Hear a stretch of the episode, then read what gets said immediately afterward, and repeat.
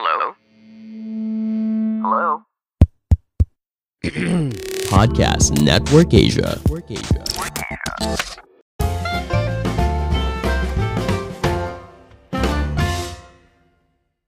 Halo semua, kembali lagi bersama saya Madianto. Kali ini kita akan membahas tentang tanda kalau kamu akan makmur. Menurut banyak pakar, ternyata orang dengan banyak uang hanyalah bagian dari tanda orang sukses. Sebab orang sukses tidak semena-mena memperlihatkan kesuksesan hanya sebatas uang yang diperolehnya. Atau bisa dikatakan, ada lima tanda-tanda orang yang akan sukses atau makmur yang sering tidak diketahui oleh banyak orang. Selain itu, orang yang memiliki tanda-tanda tersebut bisa hidup dengan makmur dan sejahtera. Selain hidup makmur dan sejahtera, orang sukses tentu banyak dianugerahi banyak keberuntungan hingga rezeki. Mereka yang sukses lebih dari sekedar banyak uang atau tidak hanya berpatokan pada kekayaan yang dimilikinya. Banyak orang sukses memulai karir dari bidang bisnis atau usaha yang akan membawanya pada tujuan hidup. Dengan demikian, orang sukses bisa hidup makmur dan sejahtera dengan banyak keberuntungan dan rezeki yang melimpah. Namun seperti apa sih tanda-tanda orang sukses sebenarnya? Berikut tanda-tanda orang yang akan makmur menurut Abdi Suardin, seorang pakar bisnis. Yang pertama, memiliki tujuan hidup yang jelas. Tanda orang yang akan makmur yang pertama adalah seseorang harus memiliki tujuan hidup yang jelas. Untuk bisa sukses dan sejahtera, seseorang harus memiliki impian atau tujuan dalam hidup. Impian merupakan sebuah tujuan dari rangkaian usaha yang dilakukan. Namun tujuan harus diimbangi dengan sikap yang jelas.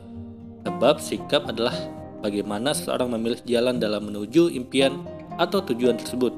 Jadi seseorang akan sukses ataupun sejahtera harus memiliki sikap dan tujuan hidup yang jelas di dalamnya. Kedua, tidak pernah berhenti belajar. Tanda orang yang akan makmur kedua adalah tidak pernah berhenti dalam belajar. Orang yang ingin sukses selalu haus akan belajar. Sebab dengan terus belajar, orang akan bisa sampai pada titik atau tujuan yang diinginkan. Sebab orang-orang ini tidak pernah menyia-nyiakan waktunya untuk terus belajar banyak hal. Belajar untuk sukses, belajar untuk makmur, sama halnya belajar dari mana dan kapan saja. Tidak terpaku pada pendidikan formal karena banyak orang yang sukses lahir di luar pendidikan formal. Mereka tidak akan merasa puas hanya belajar dalam satu hal. Perasaan selalu ingin belajar ini akan merangsang seseorang untuk terus belajar seumur hidup. Ketiga, menerapkan apa yang telah dipelajari. Tanda atau ciri orang yang akan makmur yang ketiga adalah menerapkan apa yang telah dipelajari. Ketika orang yang ingin sukses setelah banyak belajar, maka ia akan menerapkan apa yang telah dipelajarinya. Hal ini berguna untuk mengevaluasi sejauh mana ilmu yang didapat akan membawa dampak positif, seperti kesuksesan, kemakmuran, dan kesejahteraan. Sebab orang ini akan menganggap apa yang telah dipelajari harus segera dipraktekkan tanpa menunda-nunda waktunya. Keempat, tidak pernah ragu dalam mengambil keputusan. Orang-orang sukses dan makmur pastinya tidak akan pernah ragu dalam mengambil sebuah keputusan karena kesuksesan itu diukur dari bagaimana seseorang bisa mengatasi keraguan. Sebab kalau seseorang ingin meraih kesuksesan, maka harus siap dituntut untuk cepat mengambil sebuah keputusan. Hal ini menjadikan diri agar terbiasa dalam hal-hal mendesak, sehingga akan menjadikan diri menjadi jiwa profesional dan akan cepat sukses. Kelima, tidak pernah menyia-nyiakan waktu. Tanda orang yang akan makmur, sejahtera, dan sukses yang terakhir adalah tidak akan pernah menyia-nyiakan waktu. Kalau seseorang terus-menerus berusaha dan tidak pernah menyia-nyiakan waktu, maka orang tersebut akan dekat dalam meraih kesuksesan.